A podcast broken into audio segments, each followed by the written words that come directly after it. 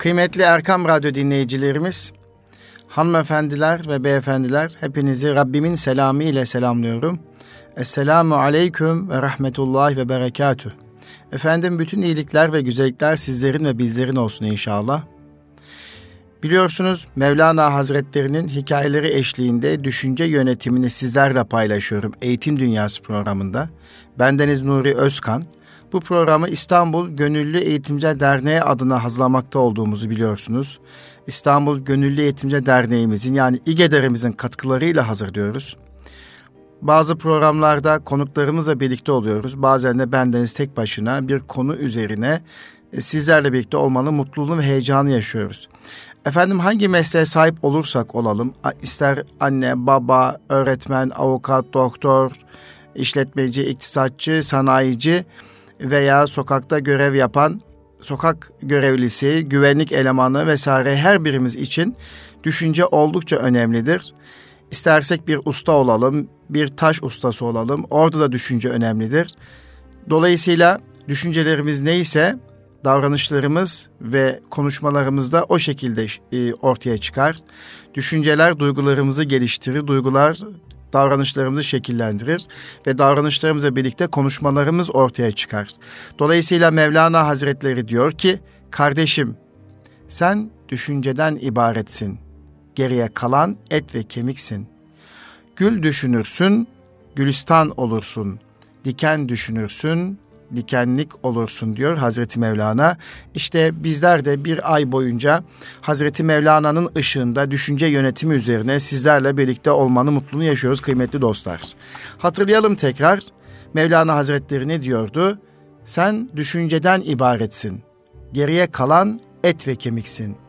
Gül düşünürsün, gülistan olursun. Diken düşünürsün, dikenlik olursun diyor. Yine Hazreti Mevlana eğer bir karınca Hazreti Süleyman'ın derecesine ulaşmaya çalışırsa şaşma. Onun isteğini hor görme. Sen ondaki himmete, gayrete, cesarete imrenerek bak. Elinde zenginlik ve yetenek olarak ne varsa isteyerek, düşünerek elde etmedin mi diyor Hazreti Mevlana. Dolayısıyla bir karınca Hazreti Süleyman'ın derecesine ulaşmaya çalışırsa şaşmamak gerektiğini, hor görmemek gerektiğini, önemli olan onun hayal gücünün ve gayretinin, himmetinin, cesaretine e, imrenmek gerektiğini ifade ediyor kıymetli dostlar. Efendim, Şemsi Tebrizi diyor ki, sana affedilmeyecek kadar büyük hata yapan birine akıl sınırlarının bittiği yerden başlayacak ceza vermek istiyorsan bütün samimiyetinle affet. Affet. Hissedilen her şeyi arşivleyen kader kendisiyle en iyi biçimde ilgilenecektir. Kıymetli Erkam Radyo dinleyicilerimiz, sohbetimizin başında ifade ettim. Mevlana'nın ışığında düşünce yönetimi üzerine üç haftadır sohbet ediyoruz. Paylaşımda bulunuyoruz bendeniz acizane. Bu hafta da yine Mevlana'nın ışığında düşünce yönetimine zaman ayırmak istedim. Ve bu çerçevede özellikle affet konusunu, Mevlana'nın diliyle affet ve şükret konusunu sizlere paylaşmış olacağım. Ve Şemsi Tebrizi'nin sözünü bir kez daha paylaşmak istiyorum. Sana affedilmeyecek kadar büyük hata yapan birine akıl sınırlarının bittiği yerden başlayacak ceza vermek istiyorsan bütün samimiyetinle affet. Bütün samimiyetinle affet. Hissedilen her şeyi arşivleyen kader kendisiyle en iyi biçimde ilgilenecektir diyor Şemsi Tebrizi Hazretleri. Efendim, zamanın birinde bir ülkenin padişahı iki tane köle satın almıştı. Akıllı ve alim bir kişiliğe sahip olan padişah, Kölelerini tanımak ve meziyetlerini öğrenmek için onlarla konuşmak istedi. Kölelerden birini huzuruna çağırdı. Köle, padişahın sorduklarına çok mantıklı ve güzel cevaplar verdi. Padişah bu hoş sözlü köleyi akıllı ve uysal bir tabiatta buldu. Ayrıca kölenin insana huzur ve güven veren bir yüzü vardı. Padişah bu köleyi yıkanıp temizlenmesi için hamama gönderdikten sonra diğer köleyi de çağırdı. Bu kölenin dış görünüşü gözüne pek hoş gelmemişti. Dişlerinin yarısı kırık ve kapkara olmuştu. Ayrıca ağzı da kokuyordu. Ona bazı sorular sordu. Ben aslında seni çok beğendim. Akıllı birine benziyorsun. Biraz önce gönderdiğim arkadaşın senin hakkında çok kötü şeyler söyledi. Senin hırsız, ahlaksız, kötü huylu biri olduğunu söyledi. Ben bu söylenenlere pek inanmadım. Ama diyerek ağzı kokan kölenin vereceği tepkiyi ölçmek, onun ne yaratılış ve huyda olduğunu öğrenmek istedi. Köle hamama giden arkadaşı hakkında en ufak bir kötü söz söylemediği gibi onun kendisi hakkında söylediklerinde haklı olabileceğini söyleyerek devam etti. O doğru söyleyen bir adamdır hünkârım. Ben de bazı kötü huylar görmüş olabilir ama ben o kötü huyları kendimde görmüyorum dedi. Padişah, o senin hata ve kusurlarını söylüyor. Sen de onunkileri söyle ki kimin ne olduğunu anlayayım dedi. Köle, ey padişahım, o benim arkadaşımdır.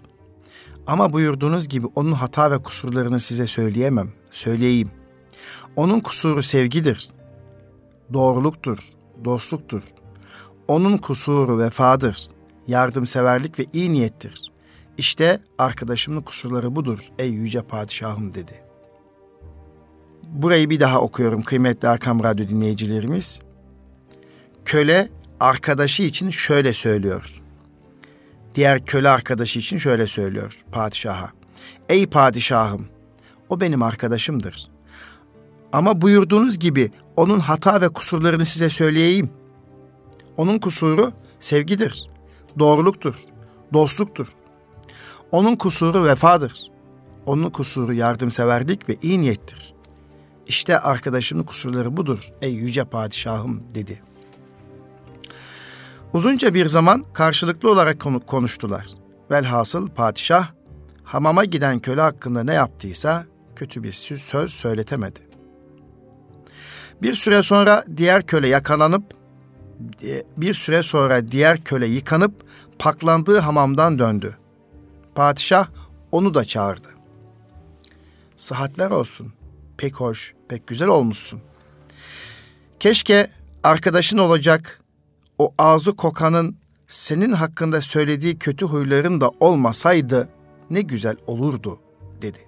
Padişahın sözleri üzerine çok sinirlenen köle, ey padişahım, o pis ve akılsızın benim hakkımda söylediklerini birazcık anlatır mısınız? Padişah, senin doğru ve dürüst biri olmadığını, vefasız ve sevgisiz biri olduğunu söyledi, dedi.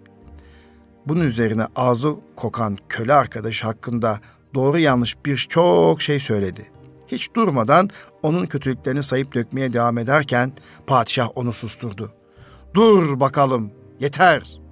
Aslında ben ikiniz de denedim. Bu sınavda anladım ki onun ağzı kokuyor, oysa senin ruhun, kalbin kokmuş. Unutma, eğer kötü huyluysan yüz güzelliğinin hiçbir kıymeti yoktur. Bu vakitten sonra sen onun emrinde olacaksın. Şimdi git huzurumdan, dedi. Arkadaşlığın ve dostluğun en temel özelliği, kıymetli Erkam Radyo dinleyiciler, diğerinin güzel huylarını övmek, kusurlarını ve hatalarını görmezden gelmek ve bizi üzen bazı davranışlarını affetmektir. Kıymetli dostlar, kıymetli Erkam Radyo dinleyicilerimiz, eğer bir iş yerinde çalışıyorsak, takım arkadaşlarımızla birlikte bir iş yapıyorsak, eğitim kurumunda öğretmensek, eğitim kurumunda biz bir aileyiz diyorsak, öğretmenlerimiz kendi içerisinde iyi bir dayanışma, iyi bir dostluk sergilemeliler. İyi bir dayanışma, iyi bir dostluk sergilemeliler ki arkadaşlarının, dost öğretmeninin veya okulda takım arkadaşının ayıplarını değil, güzel huylarını övmeye gayret etmelidir.'' hatalarını görmezden gelerek onun eğitimdeki güzel çalışmalarını takdir edecek sözler söylemeli ve onu mutlu etmelidir. Elbette emri bil maruf nehi anil münker babında birbirimizin eksiklerini, yanlışlarını da gelişim adına ifade ederek arkadaşımızın düzeltmesi sağlamak tabii hakkımızdır. Lakin sadece hatalarla uğraşıp eksikleri görmeye çalışıp birbirimizin güzel yönlerini bir başka üçüncü şahıs ifade etmekten çekinirsek dostluk ve arkadaşlıklarımızın gelişmeyeceğini buradan ifade etmek istiyorum. Kıymetli Erkam Radyo dinleyicileri, hanımefendiler, beyefendiler. Mevlana aşağıdaki şiiriyle hoşgörülü olmanın ve Allah rızası için affetmenin önemini en güzel şekilde anlatmaktadır. Gel, gel, ne olursan yine gel. İster kafir, ister mecusi, ister puta tapan ol, yine gel. Bizim dergahımız ümitsizlik dergahı değildir. Yüz kere tevbeni bozmuş olsan da yine gel. Evet, Mevlana Hazretleri şiiriyle hoşgörülü olmanın ve Allah rızası için affetmenin önemini bu şekilde anlatmaktadır. Gel, gel, ne olursan ol, yine gel. İster kafir, ister mecusi, ister puta tapan ol, yine gel. Bizim dergahımız ümitsizlik dergahı değildir. Yüz kere tövbeni bozmuş olsan da yine gel.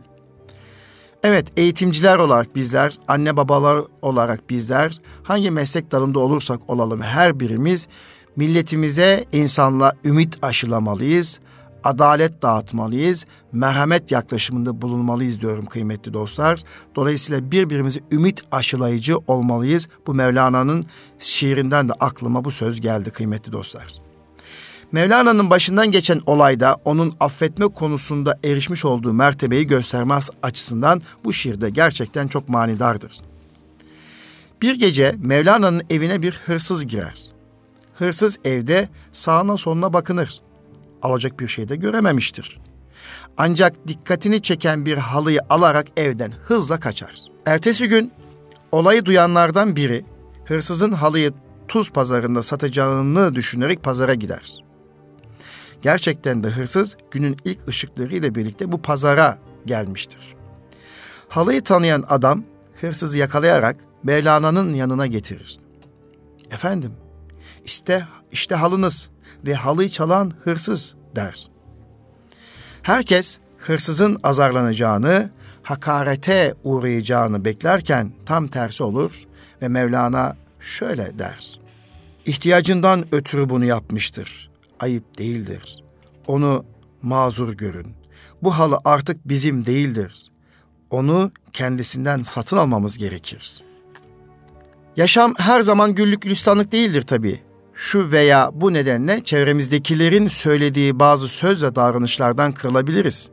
Bu durumda karşımızdaki kişinin olumsuz sözünü veya davranışını onun karakteriyle özleştirmekten özellikle kaçınmalıyız. Aksi takdirde kişi hakkında olumsuz düşünürüz ve onu affetmemiz zorlaşır. Bunun üzerine yalnızca söylenen sözü veya yapılan davranışı ele almalı ve değerlendirmeliyiz. Bunun yerine kişinin kendisini değil, e, kişinin kendisini değil, bunun yerine yalnızca söylenen sözü veya yapılan davranışı ele almalı ve değerlendirmeliyiz. Bu sayede affetmek daha kolay olacaktır. Buna eğitimde ben dili deniliyor.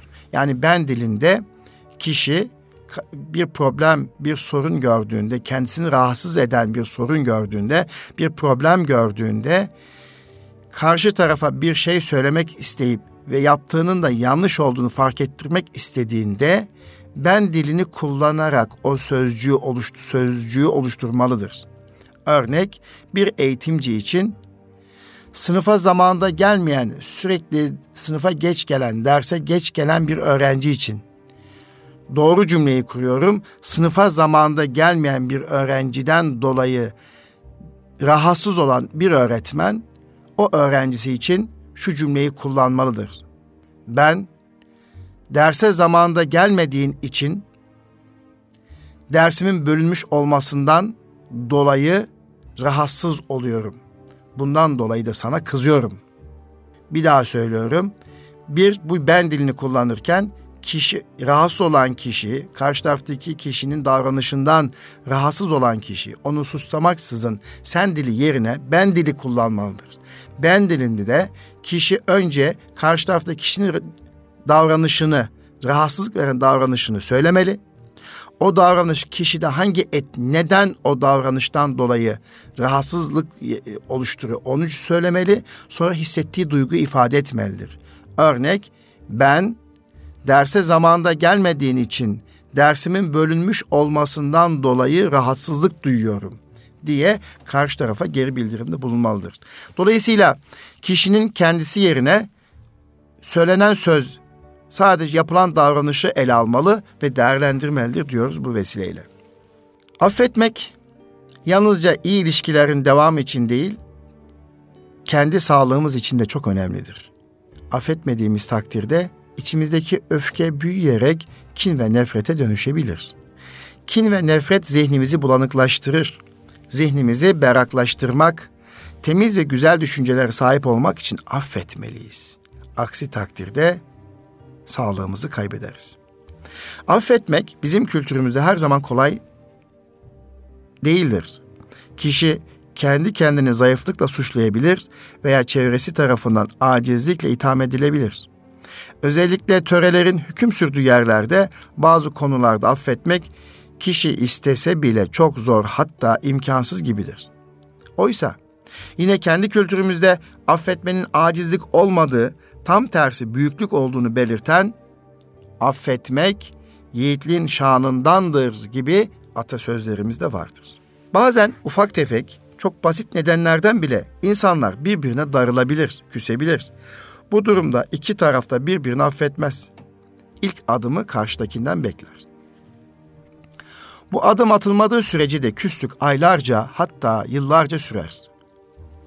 Kültürümüzde insanları bir araya getirmek ve barıştırmak için çaba sarf etmiş olan insanları sıkça duyarız. Nasrettin Hoca'nın şu hikayesi de buna güzel bir örnektir. Birbirleriyle küs olan bazı köylüler barışmaya yanaşmamaktadırlar. Konu Nasrettin Hoca'ya anlatılır. Nasrettin Hoca ne kadar uğraşsa da iki tarafa önce karşı tarafın gelip özür dilemesini söyler. İster. Bunun üzerine hoca, yarın köy meydanına gelin, size bir keramet göstereceğim. Çınar ağacına gel diyeceğim, o da yanıma kadar gelecek. Ertesi gün bütün köylü meydanda toplanır. Nasrettin Hoca çınar ağacının karşısına geçer ve kendine doğru gelmesini söyler. Tabii ki çınar ağacı gelmez. Köylüler, hani keramet hoca, ağaç yanına gelmedi diye söylenirler. Bunun üzerine hoca, köylülerin şaşkın bakışları altında çınar ağacının yanına gider ve şöyle der. Keramet ayağa gitmektir. O gelmezse sen gideceksin. Dargın olan köylüler bu olaydan çok etkilenirler ve hemen oracıkta barışırlar. Evet, kıymetli Arkam Radyo dinleyicilerimiz, etrafımızda çok e, rastladığımız bir olay.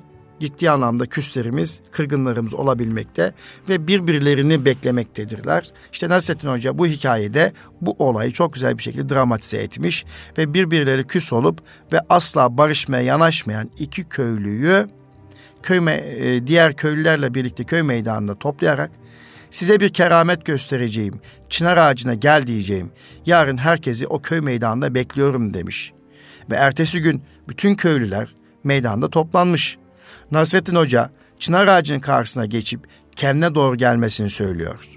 E tabii ki çınar ağacı gelir mi? Gelmez. Köylüler hani keramet hoca ağaç yanına gelmedi diye söylenince hoca ağacın yanına gider ve şöyle der. Keramet ayağa gitmektir. O gelmezse sen gideceksin. Evet buradan da küskünlerimiz varsa, dargınlarımız varsa bu hikayeden onlara şunu söylüyoruz. Lütfen arkadaşlarınızla, dostlarınızla, sılayı rahim yaptığınız akrabalarınızla lütfen barışın, küs kalmayın diyoruz. Affedin. Unutmayın ki affetmek dünyanın en büyük cezalandırma şeklidir. Şemsi Tebriz'in ifadesiyle onu bir kez daha okumak istiyorum. Sana affedilmeyecek kadar büyük bir hata yapan birine akıl sınırlarının bittiği yerden başlayacak ceza vermek mi istiyorsun? Bütün samimiyetini affet. Hissedilen her şeyi arşivleyen kader kendisiyle en iyi biçimde ilgilenecektir demişti Şemsi Tebrizi Hazretleri. Eğer birine kırıldıysak, incindiysek ve onu affedemiyorsak içimizde bir virüs ile yaşıyoruz demektir. Affetmek demek o kişiyle tekrardan sıcak bir ilişki kurmak anlamına gelmez. Gerekirse bu da yapılabilir. Bununla birlikte buradaki asıl amaç olayın bize bir virüs gibi zarar vermesine kurtulmak yani virüsü temizlemektir. Yine Mevlana şöyle bir hikayeyle bu konuyu bizlere anlatıyor. Bir aslan bakıcısı yavruken alıp büyüttüğü aslanı çok sevmektedir ve ona kendi çocuğu gibi bakmaktadır. Bir gün aslana et verirken aslan koluna bir pençe atar. Bir süre hastanede yatan bakıcı hastaneden çıkar. Ancak çok sevip büyüttüğü aslanın bu davranışını unutamaz ve depresyona girer.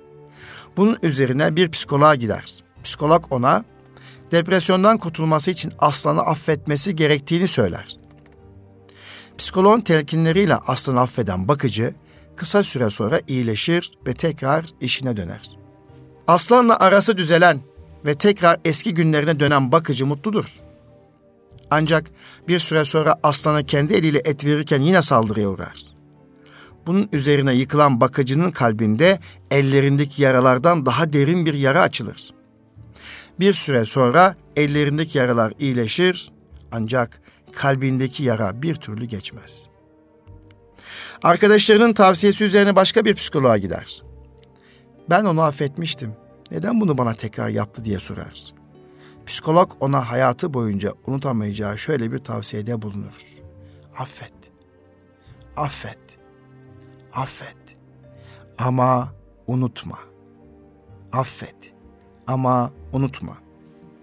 Eğer karşımızdaki kendisine çok yakın bir kişiden zarar görmüş ve onu affedemeyen birisi varsa mantıklı bir takım açıklamalar yaparak affetmesi istemek bir fayda sağlayamayabilir. Burada yapılması gereken şey kişinin bilinçaltına girerek affetmediği takdirde ne tür sonuçlarla karşılaşacağını gösteren düşünce yönetimi tekniklerini uygulamaktır. İstemeden yapılan ve art niyet içermeyen bazı davranışların kişiyi incitmiş veya kırmış olsa bile anlayışla karşılanması insan ilişkileri açısından çok önemlidir. Özellikle saygı ve sevginin ön planda olduğu eşler arasında bu tür yaklaşımlara sıkça rastlanır. Mutluluklarıyla herkesin dikkatini çeken yaşlı çifte bir toplantıda mutlu yuvalarının sırrını neye borçlu olduklarını sormuşlar. Mutluluklarıyla herkesin dikkatini çeken yaşlı bir çifte toplantıda mutlu yuvalarının sırrını neye borçlu olduklarını sormuşlar. Adam şöyle demiş. Bunu eşime sorun. Mutluluğumuzun mimarı odur. Bu soruyu kadına sorduklarında ise şu cevabı vermiş. Eşimle nişanlandığımızda onda beğenmediğim 10 tane davranış belirledim ve beğenmediğim bu davranışların hepsini bir kağıda yazdım. Daha sonra kendi kendime şöyle karar verdim. Evlendikten sonra eşim istemediğim bu davranışlardan birini yaparsa onu affedeceğim. Sonra o kağıdı yırtarak çöp tenekesine attım. Evlendikten sonra eşim istemediğim bir davranışta bulunduğunda ben şöyle düşünüyordum. Bu yaptığı davranış o yazdığım kağıtta vardı ve ben onu affedeceğime dair kendime söz vermiştim. Ben böyle yaptığımda eşim de bana olumlu tepki veriyor. Ve ilişkimiz çok güzel gidiyordu. Bu tutumumuzu sürdürerek bugünlere kadar geldik. Aynı metodu çevremdeki gençlere de söylüyorum. Onlara da aynı şeyi yapmalarını tavsiye ediyorum diyor o yaşlı çift mutluluğun sırlarını. Affetmeyi öğrenebilmek, öfkemizi kontrol etmeyi öğrenmekle ancak mümkün olur. Yine Mevlana Hazretleri diyor ki, Cahillerin kalp yumuşaklığı, iyilik ve merhameti daha azdır. Cahillerin kalp yumuşaklığı, iyilik ve merhameti daha azdır. Çünkü hayvanlık tarafları daha baskındır. Muhabbet ve yumuşak kalplilik insanın insani tarafı. Şehvet ve öfke ise insanın hayvani yönüdür. Diyor Hazreti Mevlana. Hoşgörülü olmak ailede kazanılması gereken bir anlayıştır. Hoşgörülü olmak ailede kazanılması gereken bir anlayıştır. Çoğu ailede çocuklar yaptıkları ufak tefek hatalardan dolayı cezalandırırlar. Bu davranış sürekli arz ettiğinde kıymetli Arkam Radyo dinleyicilerimiz, bağışlanmayan çocuklar ileride yetişkin olduklarında bağışlayamayan ve hoşgörüsüz insanlar olmasına zemin hazırlar. Çevreleriyle iletişim kurarken katıdırlar. Beyne ve kalbe işlenen nefret, kin tutma. Öncelikle insanın kendisini tüketir.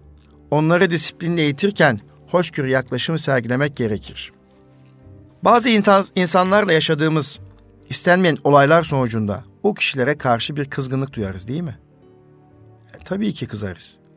Daha sonra o kişilerle tekrar bir araya gelmek veya birlikte bir şeyler yapmak zorundaysak bile o zaman hepten işin içerisine sıkıntılar girmeye başlar. Aklımıza onunla aramızda geçen istenmeyen olaylar gelir ve onunla iletişim kurmakta güçlük çekeriz. Bu durum bizi sürekli hataya sürükler. Beynimizde o kişiyle ilgili görüntülerden ve onun söylediklerinden oluşan görsel ve işitsel negatif bir program vardır. Onu gördüğümüzde bu program derhal devreye girer ve kendimizi kötü hissederiz. Bunun önüne geçmek, kendimizi rahatlatmak ve o kişiyle daha doğal bir iletişim kurmak için beynimizdeki mevcut programı değiştirmemiz gerekir. Ve bunun için bir teknik uygulamak gerekir. Kıymetli Erkam Radyo dinleyicilerimiz, hanımefendiler, beyefendiler, eğitimci arkadaşlarımız, hepimiz bir aile içerisinde yaşıyoruz. Bir iş çevremiz var. Eğitimcilerimiz için okul çevresi, okul toplumu çevresi var. Öğrenciler, veliler, öğretmen arkadaşları, okul müdürleri. İster istemez bir takım kızgınlıkları duyabiliriz. Ve o kızgınlık duyduğumuz kişiyle bir araya gelmek istemeyebiliriz. Lakin bir iş nedeniyle veya çalıştığımız ortam nedeniyle bir araya gelmek zorundaysak, aklımıza onunla aramızda geçen istenmeyen olaylar gelir ve onunla iletişim kurmakta gerçekten güçlük çekeriz. İşte bunun için onunla ilgili görsel ve işsel programı temizlememiz ve düzenlememiz gerekmektedir. Bunun için gözlerimizi kapatalım. Kızgın olduğumuz kişinin yüzünü zihnimizde canlandıralım. Bu kişinin kocaman kulakları olduğunu ve bir palyoçu gibi burnunda kırmızı renkte bir lastik takılı olduğunu hayal edebiliriz. Burnundaki bu lastiği çekin ve bırakın. Burnundaki o lastiği çekin ve bırakın. Kocaman kulaklarını da çekerek biraz daha uzatın. Ve böylece o kişiyi hayalimizde olabildiğince komik hale getirme, getirebiliriz. Kulakları ne kadar uzun değil mi? Hele burunları kırmızı ve ucunda lastikli bir adam. Ne kadar komik değil mi? Ne kadar komik görünüyor. İşte onun görüntüsü artık sizi çok rahatsız etmeyecektir. Ve şimdi zihnimizi o komik hale getirdiğimiz görüntüyle meşgul etmek yerine yeni geleceğe hazırlamanın zamanı. Zihnimizdeki görsel programı değiştikten sonra işitsel programı da değiştirmek için bu kişinin konuşmasını sizi çok güldüren ve eğlendiren bir komediye dönüştürebiliriz. Bu sayede konuşmaları da artık sizi rahatsız etmediğini hissedebilirsiniz. Bu tekniği uyguladıktan sonra artık o kişiyle aynı ortamda bulunmak sizi, bizi rahatsız etmeyecektir. Hatta onu gördüğünüzde yüzünüzde hafif bir gülümseme belirirse sakın şaşırmayın. İleride onunla barışmak isterseniz bunu gerçekleştirmeniz daha kolay olacaktır kıymetli Arkam Radyo dinleyicilerimiz.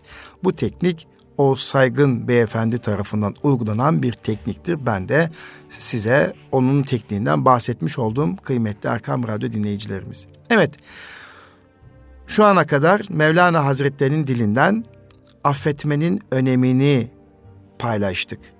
Mevlana'nın ışığında düşünce düşünce yönetimini anlatırken kişileri affetmenin de önemli olduğunu ifade ettik. Şemsi Tebrizi Hazretleri'nin sözüyle e, konuya giriş yaptık ve Şemsi Tebrizi Hazretleri diyor ki bir kez daha paylaşıyorum.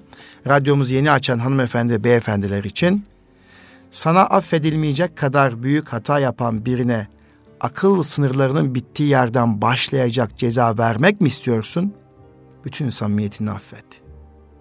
Hissedilen her şeyi arşivleyen kader kendisiyle en iyi biçimde ilgilenecektir diyor.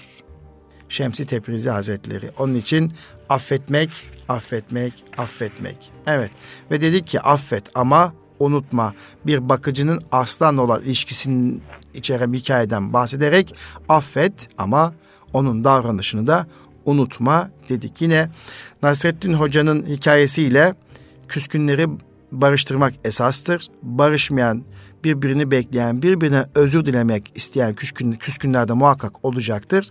Orada da Nasrettin Hoca'nın e, kerametiyle, e, keramet hikayesiyle onu paylaştık ve muhakkak e, sen en büyük keramet o gelmiyorsa sen onun ayağına giderek özür dilemek ve barışmaktır dedik. Kıymetli Erkam Radyo dinleyicilerimiz, tabii ki düşünce yönetimi içerisinde büyük düşünmeliyiz, olumlu düşünmeliyiz, anı yaşamalıyız, başkalarına faydalı olmalıyız, affetmeliyiz, affetmesini bilmeliyiz ve yine düşünce yönetimi içerisinde bir durum daha vardır ki kanaat ehli olmalıyız, şükür ehli olmalıyız. Yani şükretmeyi bilmeliyiz. İnsanlara teşekkür etmesini, insanlara teşekkür etmesini bilmeyen Allah'a şükredemez, Allah'a teşekkür edemez efendim. Cenab-ı Hak Kur'an-ı Kerim'de diyor ki e, şükrederseniz nimetlerinizi artırırım buyuruyor. Dolayısıyla şükür oldukça önemli. İşte e, olumlu düşünme içerisinde ve düşünce yönetimi içerisinde şükür önemlidir diye düşünüyoruz ve önemli gerçekten önemli. Bakalım Mevlana Hazretleri bu şükretmekle ilgili neler söylüyor düşünce yönetimi içerisinde. Hazreti Mevlana buyuruyor ki insanlar güller arasında dikenler bulunduğundan şikayet edeceklerine dikenler arasında güller yaratıldığına şükretmelidir. Nimete şükür, nimetten hoştur. Nimete şükretmek, nimetten de hoştur. Şükretmek, nimetin canıdır. Nimetse deridir, kabuktur. Şükür nimeti gözünü doyurur, seni bey yapar diyor Hazreti Mevlana. Bir kez daha paylaşmak istiyorum kıymetli Erkam Radyo dinleyicilerimiz. Mevlana'nın ışığında düşünce yönetimin anlatıyoruz. Bu çerçevede düşünce yönetimi içerisinde şükretmek de önemlidir diyoruz ve Mevlana Hazretleri diyor ki insanlar güller arasında dikenler bulunduğundan şikayet edeceklerine dikenler arasında güller yaratıldığına şükretmelidir. Nimete şükür nimetten hoştur. Nimete şükretmek nimetten de hoştur. Şükretmek nimetin canıdır. Nimetse deridir, kabuktur. Şükür nimeti gözünü doyurur, seni bey yapar. Çöl ortasında fakir bir bedevi çadırında karısıyla oturuyordu. Bir gece yarısı bütün yoksulluğu biz çekiyoruz. Alemin ömrü hoşlukla geçiyor. Sadece biz fakiriz. Ekmeğimiz yok. Katığımız üzüntü. Testimiz yok. Suyumuz gözyaşı. Gündüzün elbisemiz güneş, geceleyin döşek ve yorganımız ay ışığı. Açlığımızdan kocaman ayı ekmek sanarak gökyüzüne saldırıyoruz. Bizim halimiz ne olacak böyle diye dert yandı. Bedevi ise karısına şöyle karşılık verdi. Ve kadın, daha ne zamana dek dünya malını arayıp duracaksın? Şunun sırasında ne ömrümüz kaldı? Akıllı kişi artığa, eksiye bakmaz. Gençken daha kanatliydin sen. Yaşlandın, hırsın arttı. Altın istiyorsun. Halbuki önceden altın gibiydin sen. Ne oldu sana?'' Karısı bunları dinlemiyor, üstelik azdıkça azıyordu. Ey namustan gayrı bir şey olmayan. Artık senin yıldızlı sözlerinden bıktım. Halimizi bir gör de utan. Bana kanaatten bahsediyorsun. Ne vakte kadar bu çalım? Sen kanaatten ne vakit canını nurlandırdın? Sen bunları geç de yola gel. Bedevi kükredi. Yoksulluğumla ben iftihar ederim. Başıma kalkma ey kadın. Kavgayı, darılmayı bırak. Bırakmayacaksan hiç olmazsa beni bırak. Sus, susacaksan ne ola? Susacaksan ne ala? Eğer susmazsan şimdi evimi barkımı bırakır, başımı alır giderim. Kadın kocasını hiddetli görünce ağlamaya başladı. Güya pişmanlık gösterdi. Dedi ki, ben senin karın değil, ayağının toprağıyım. Cismim, canım, ne varsa senindir. Hüküm de senin, ferman da. Yoksulluk yüzünden sabrım tükendiyse bu da kendim için değil, senin için. Sen dertli zamanlarda bana derman oldun. Muhtaç olmanı istemiyorum.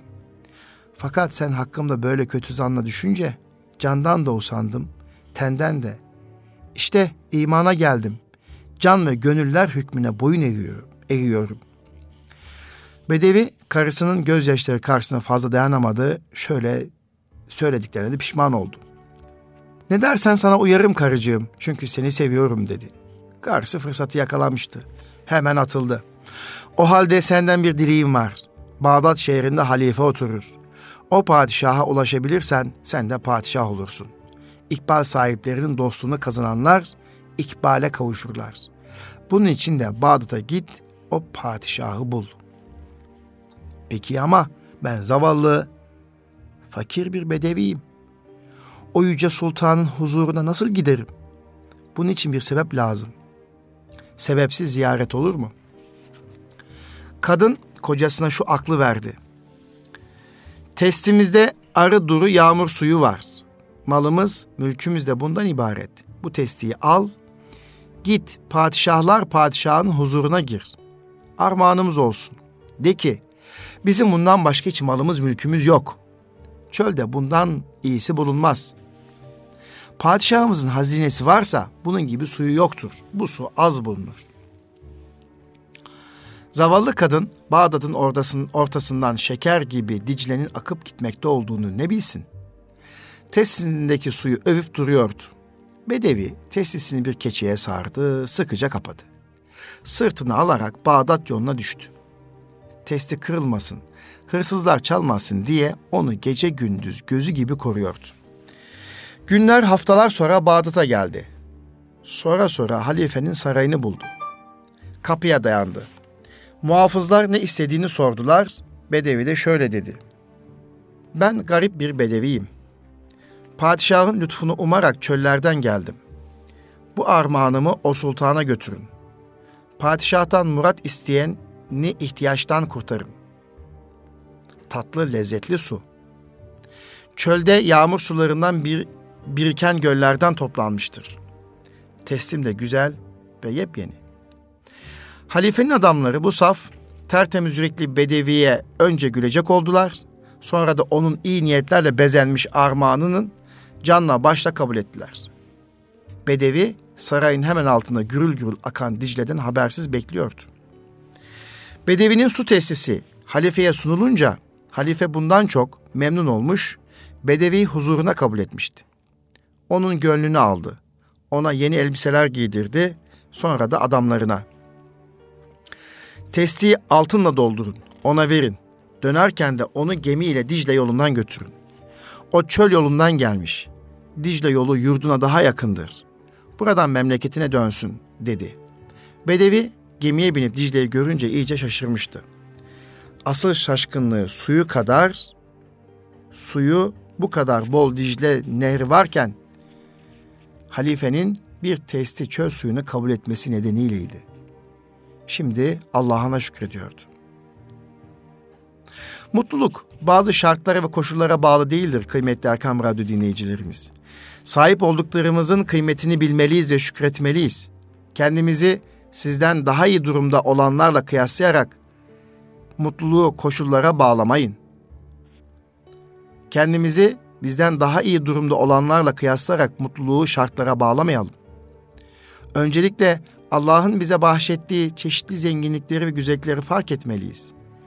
Bunları anladıktan sonra hayatla barışır ve daha mutlu olma yolunda önemli bir adım atmış oluruz. Başımıza gelen olaylara olan bakış açımız çok önemlidir. Mevlana bunları bir sorun gibi görüp halimizden şikayet etmek yerine bunlardaki güzellikleri fark edip şükretmemiz gerektiğini yine şu sözüyle açıklıyor. İnsanlar güller arasında dikenler bulunduğundan şikayet edeceklerine, şikayet edeceklerine dikenler arasında güller yaratıldığına şükretmelidir. Yine söz şükre gelince Mevlana der ki, nimete şükür nimetten hoştur. Nimete şükretmek nimetten de hoştur. Şükre düşen nereden nimete yönelecek? Şükretmek nimetin canıdır. Nimetse deridir, kabuktur. Şükür nimeti gözünü doyurur. Seni bey yapar da yüzlerce nimeti yoksullara saçar, dökersin diyor Hazreti Mevlana kıymetli Erkam Radyo dinleyicilerimiz. Evet, şükretmek, sahip olduklarımızın farkında olmak ve onların kıymetini bilmektir. Hayatta şükredecek o kadar çok şey var ki, bedenimiz, sağlığımız, ailemiz, sevdiklerimiz ve sahip olduğumuz her şey bir şükür gerektiriyor değil mi? Ve bazen bunları görmezden geliyoruz maalesef. Bazen de bunların farkında değiliz ve önemini elimizden ancak gittiğinde anlıyoruz. Sağlığımız bozulduğunda veya sevdiklerimizi kaybettiğimizde oysa sahip olduklarımızın bize verilen nimetlerin değerini henüz elimizdeyken bilmeli ve şükretmeyi ihmal etmemeliyiz. Çünkü şükretmek teşekkür etmek demektir. Şükretmenin iyileştiren, çoğaltan ve artıran bir özelliği vardır. Bunu bilmek ve kullanmak hayatımızı kolaylaştırır. Cenab-ı Hak buyuruyor ki Estağfirullah şükrederseniz nimetlerinizi artırırım buyuruyor. Her şeyin kötü gittiğini, hatta sağlığınızla ilgili büyük problemler yaşamakta olduğumuzu düşünelim. Bedenimizde hala size hizmet eden uzuvlarımız olduğunu hatırlayıp şükredebiliriz. Ve şu anda Erkam Radyo'da konuşuyorum, anlatıyorum, dilim dönüyor, gözlerim görüyor, elimdeki yazıyı okuyabiliyorum, bedenimi hareket ettirebiliyorum ve sizlerle hasbihal edebiliyorum. Bunun için sayısız şükrediyorum. Sayısız şükretmemiz gerekir Erkam Radyo dinleyicilerimiz. Sizler de Erkam Radyo'da kulaklarınızla bizi işitiyorsunuz. Bizi duyuyor, duyuyorsunuz. Bu arada ellerinizle başka işleri yapıyorsunuz. Kiminiz aracınızı kullanıyorsunuz. Kiminiz mutfakta bir iş yapıyorsunuz. Kiminiz çocuklarınızla sohbet ediyorsunuz. Ve kulaklarınızla da Erkam Radyo dinliyorsunuz. Görüyorsunuz, işitiyorsunuz, yürüyorsunuz. Bedeniniz hareket ediyor ve tutuyor. O zaman hep beraber şükrediyoruz. Elhamdülillah Allah'a sayısız hamdolsun diyoruz. Evet kıymetli Erkam Radyo dinleyicilerimiz yine bu haftada Mevlana'nın ışığında düşünce yönetimi üzerine paylaşımda bulunduk. Ve bu haftaki dersimizde özellikle Mevlana'nın dilinden affetmenin ve şükretmenin önemini siz değerli dostlarımızla Erkam Radyo dinleyicilerimize paylaşmış olduk. Efendim İstanbul Gönüllü Eğitimciler Derneği bir öğretmen derneğidir. Amacımız öğretmenlerimizin mesleki gelişimine katkı sunmaktır. Ve İstanbul Gönüllü Eğitimciler Derneği olarak da Öğretmen Akademi, Eğitim Akademi, Yönetici Akademi çalışmalarıyla Türkiye'nin her bir köşesinde öğretmenlerimize kucaklaşıyoruz. Eğitimde iz bırakan şahsiyetleri anlatıyoruz. Hazreti Mevlana'nın dilinden düşünce yönetimini paylaşıyoruz. Yunus Emre'nin şiirlerinden sözün tesirini anlatıyoruz ve şu sözümle bitirmek istiyorum. Kayserili eğitimin kalitesini dört şeye bağlamıştır. Kayseri'den dostlarımızın anlattığına göre eğitimin kalitesi dört şey üzerine kurulmuştur. Bir, babanın kesesi. iki annenin ketesi. Üç, öğrencinin, talebenin hevesi. Ve dört, öğretmenin nefesi diyor Kayserili, Kayserili dostlarımız. Dolayısıyla eğitimimizi şekillendirirken eğitimimizde Mevlana'lar olacak, Yunus Emre'ler olacak, Hacı Bektaş Veliler olacak, Mimar Sinanlar olacak, Fatih Sultan Mehmetler olacak. Tarihimizdeki birçok şahsiyetlerimizden Kutat Kubilikler olacak ve önemli şahsiyetlerimizin sözlerini, hikayelerine, masallarından anlatarak her birimiz harekete geçirecek sözler, eylemler ve davranışlarda bulunmak suretiyle çocuklarımızı, gençlerimizi kuşatmalıyız. Biz farklı olmak zorundayız ve Mevlana'nın dediği gibi düşüncelerimizi olumlu yapmak zorundayız. Ne demişti Mevlana Hazretleri? Kardeş, sen düşünceden ibaretsin. Geriye kalan et ve kemiksin. Gül düşünürsün, gülistan olursun. Diken düşünürsün, dikenlik olursun diyor. Efendim her zaman güzel düşünmek, güzel davranmak, güzel konuşmak niyetiyle hepinizi saygıyla selamlıyorum. Bir sonraki Eğitim Dünyası programında buluşmak dileğiyle Rabbime emanet olunuz efendim. Allah'a emanet olun.